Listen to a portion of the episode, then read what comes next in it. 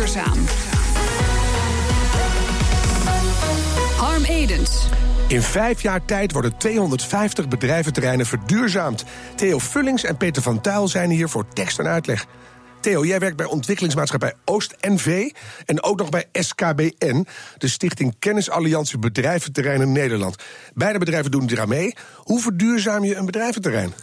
Dat uh, kun je op verschillende manieren doen. Maar we beginnen natuurlijk met de bedrijven zelf op het bedrijventerrein. Om te kijken hoe je daar met LED, met zonnecellen uh, bedrijven verder kunt helpen. En vervolgens ga je dan kijken, want op een bedrijventerrein is gelukkig nog wel eens hier en daar wat ruimte. Te kijken of dat je daar ook andere apparaten of andere uh, energiebronnen kunt neerleggen, staan.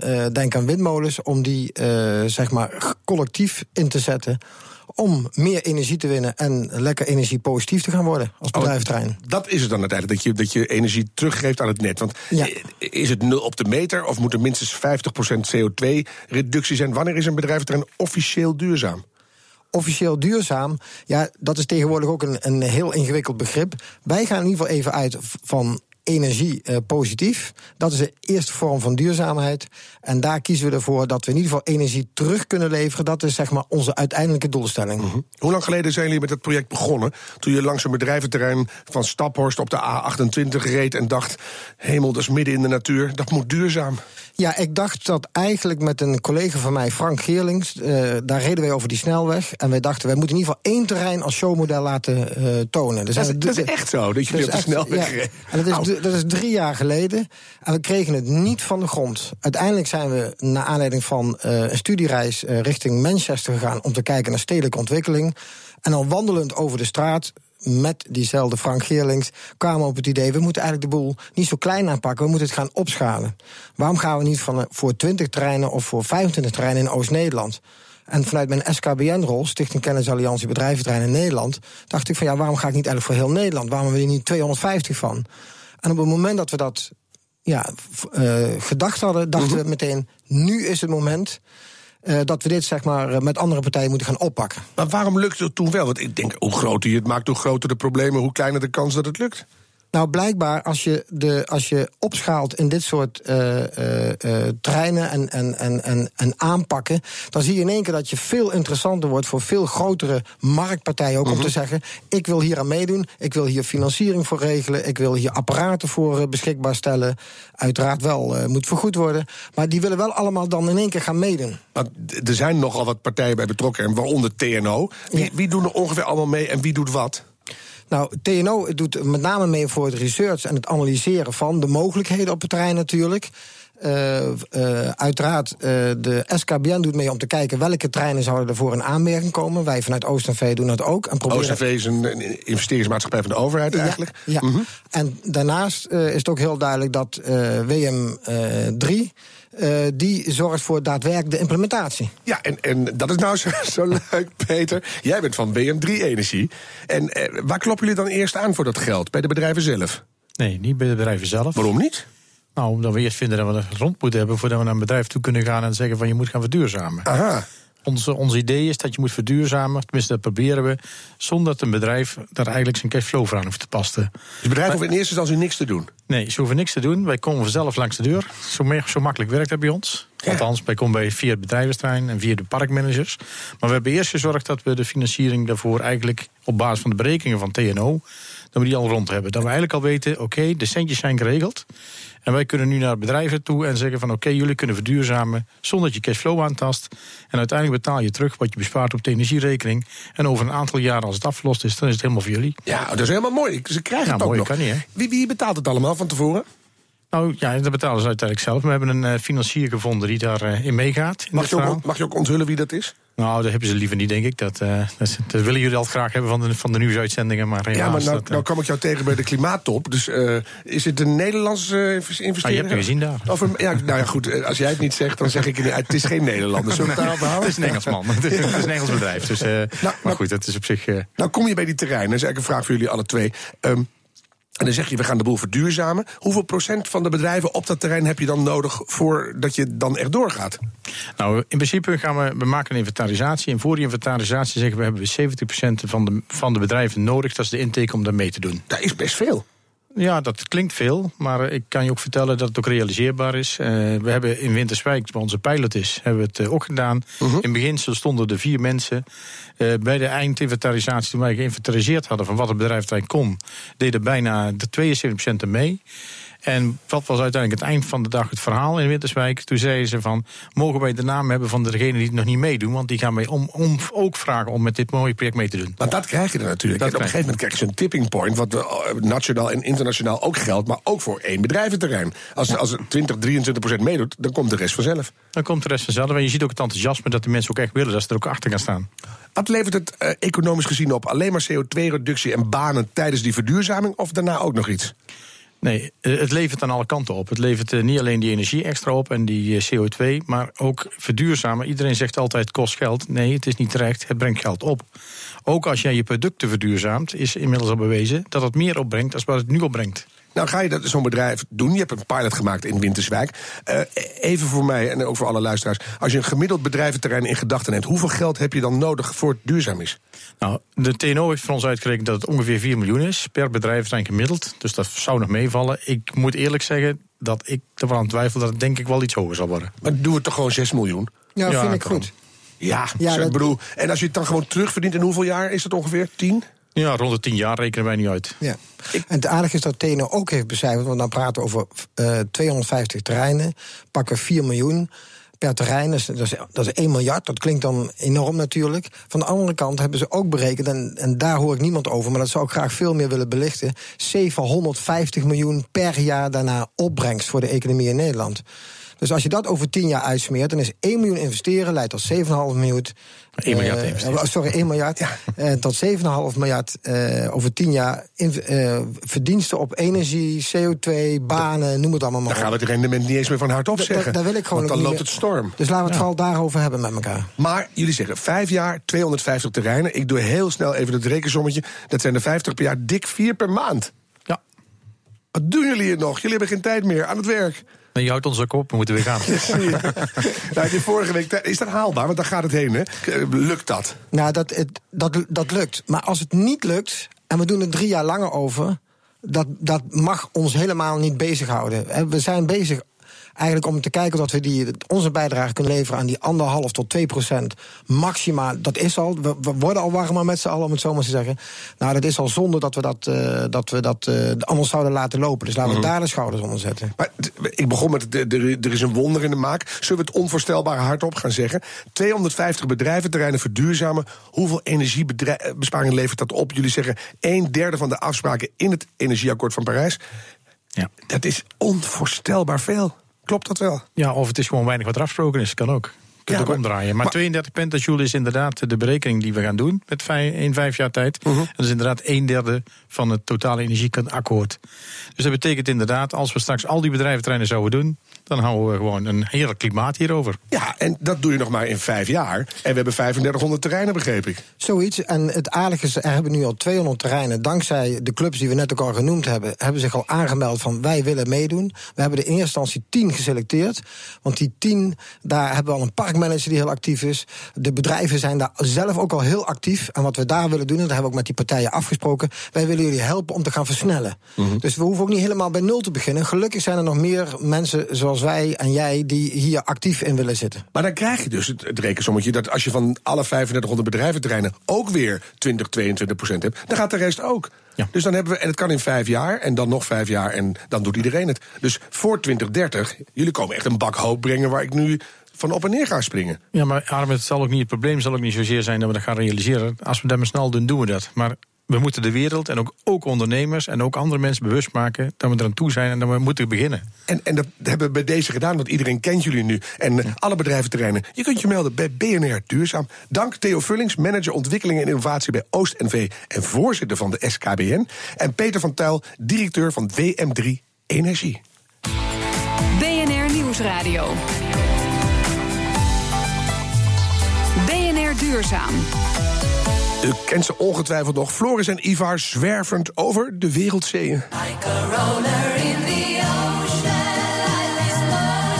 Op zoek naar duurzame oplossingen in de uithoeken van onze planeet. Ivar Smits vanuit Bilbao in Spanje. Jullie hebben pas geleden Earth lawyer Polly Higgins ontmoet. Zij is bekend van het begrip ecocide, de grootschalige vernietiging van ecosystemen als internationaal strafbaar feit. Waar kwam je haar tegen? Goedemiddag Ivo. Ja, je bent goed op de hoogte. We, we, we kwamen haar tegen in Totnes, waar we toen ook waren om Tradition Towns te bezoeken. Zij woont daar vlakbij en ze heeft ons daar opgezocht. Dus dat was heel interessant. En wat hebben we eh, geleerd, en jullie en dus ook wij? Ja, Polly Higgins, zoals je al zei, is een Engelse advocaat die zich inzet voor het toekennen van eh, rechten aan de aarde. En zij wil grootschalige vernietiging van ecosystemen, oftewel ecocide, op internationaal niveau strafbaar stellen. En dat, ja, dat vinden we heel interessant. En, en lukt haar dat ook?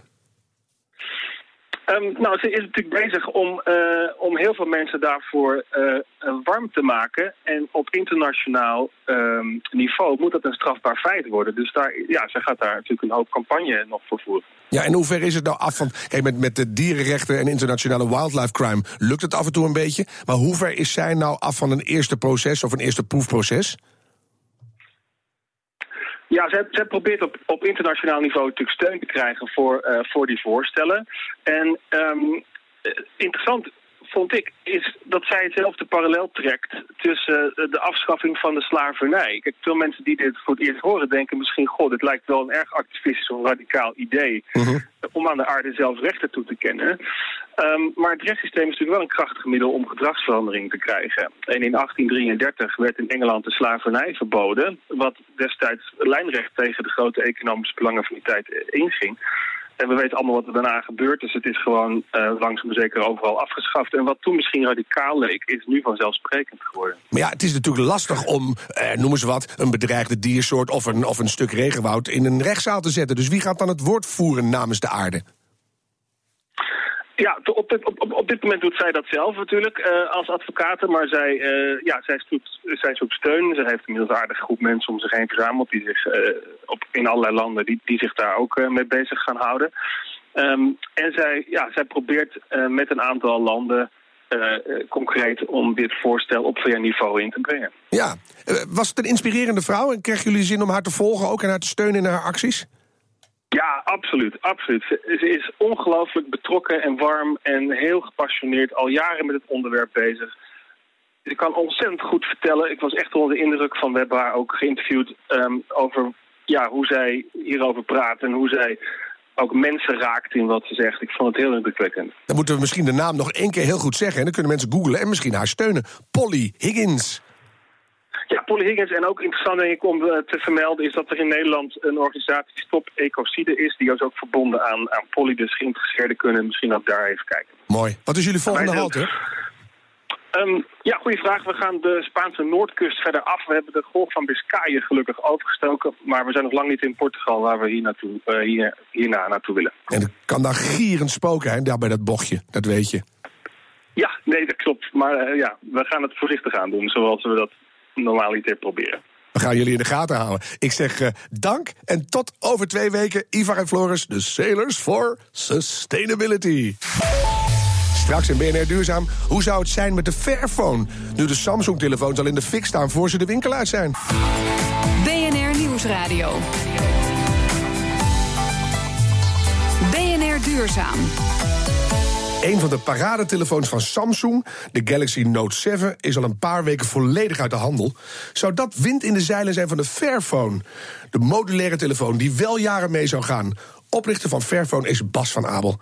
Bas, is er al sprake van een significante omzetstijging bij jullie? Naar aanleiding van de Samsung Note. Nou, kijk, wij, wij stijgen nog steeds in die zin dat wij uh, een groeibedrijf zijn. Uh, maar kijk, natuurlijk, je hebt. Uh, ja, het is, niet, het is ook niet zo dat als, als er dan iets misgaat met een andere telefoon, dat mensen massaal een andere, deze telefoon gaan kopen. Want het zijn, het zijn toch dure aankopen. En die, die ja, neem je wel overwogen. Dus het zal zeker helpen, misschien in de toekomst, dat mensen denken van. Nou, doe toch maar een telefoon waar ik de batterij in ieder geval van kan verwisselen. Ja, en kan vertrouwen misschien. Ja, dat is ook wel handig. Maar het, het geeft wel aan hoe moeilijk het is om telefoons te maken. Want als zelfs, als zelfs Samsung het niet lukt hè, om een fatsoenlijke telefoon te maken, dan uh, geeft dat wel aan. Die hebben 2000 engineers op één telefoon. We hebben er vijf, om eens te noemen.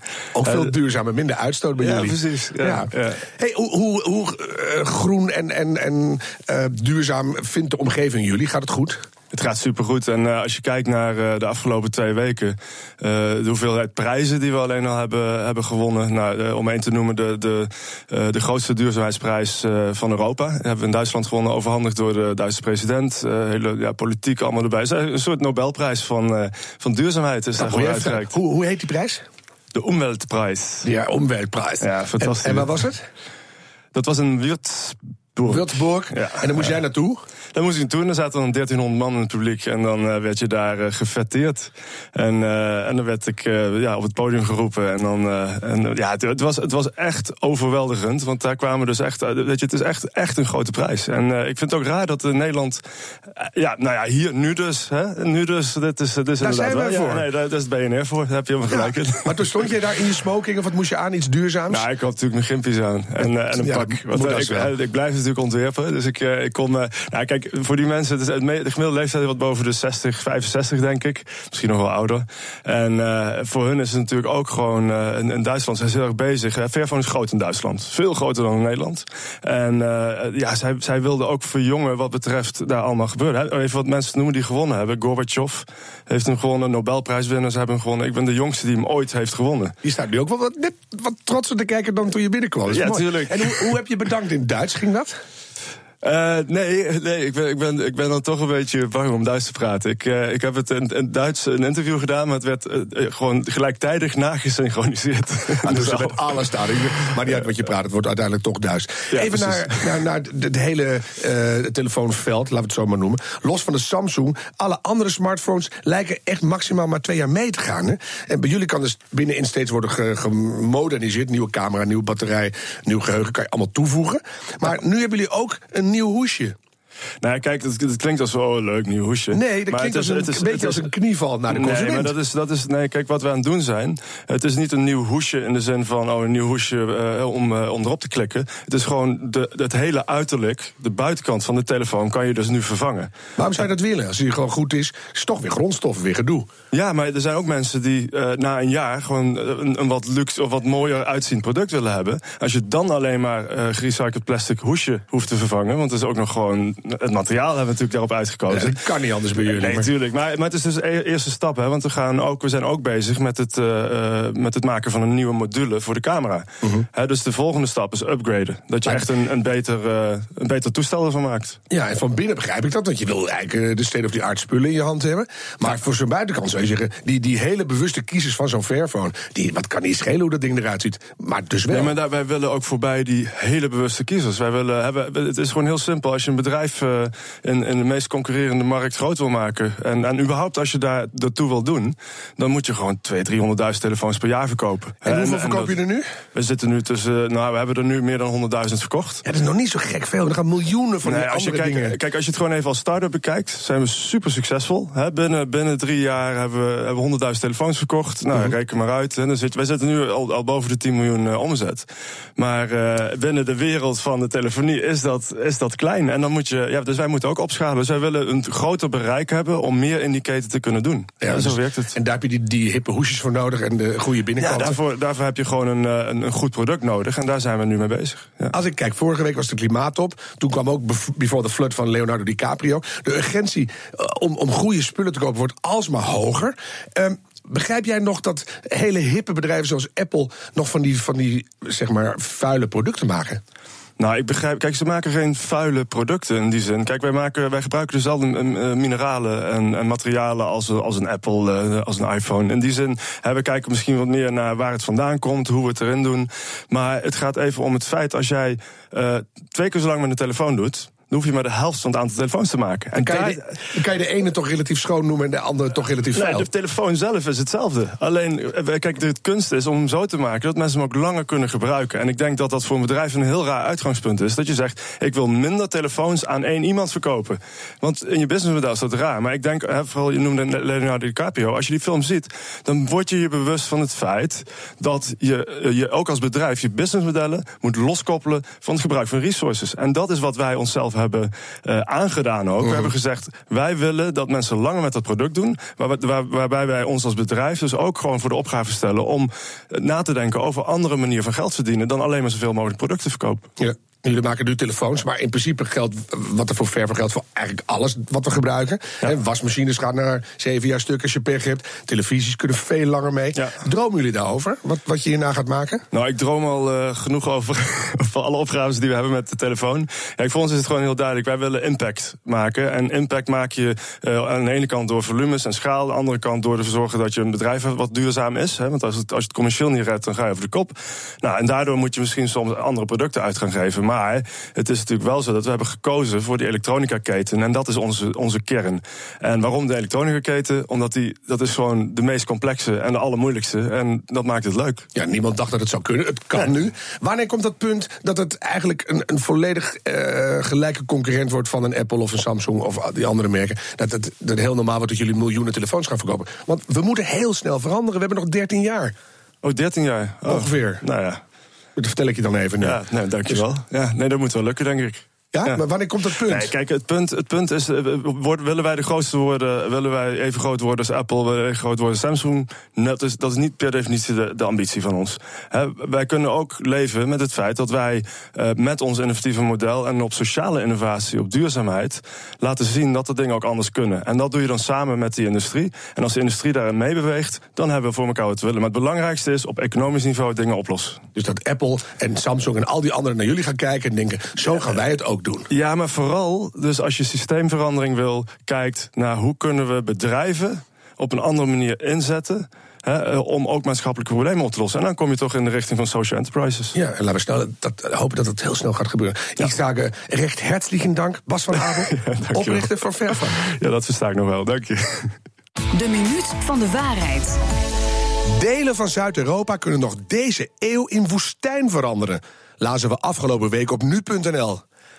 Doe me ellende, maar klopt het? Carlijn Meinders ging het checken.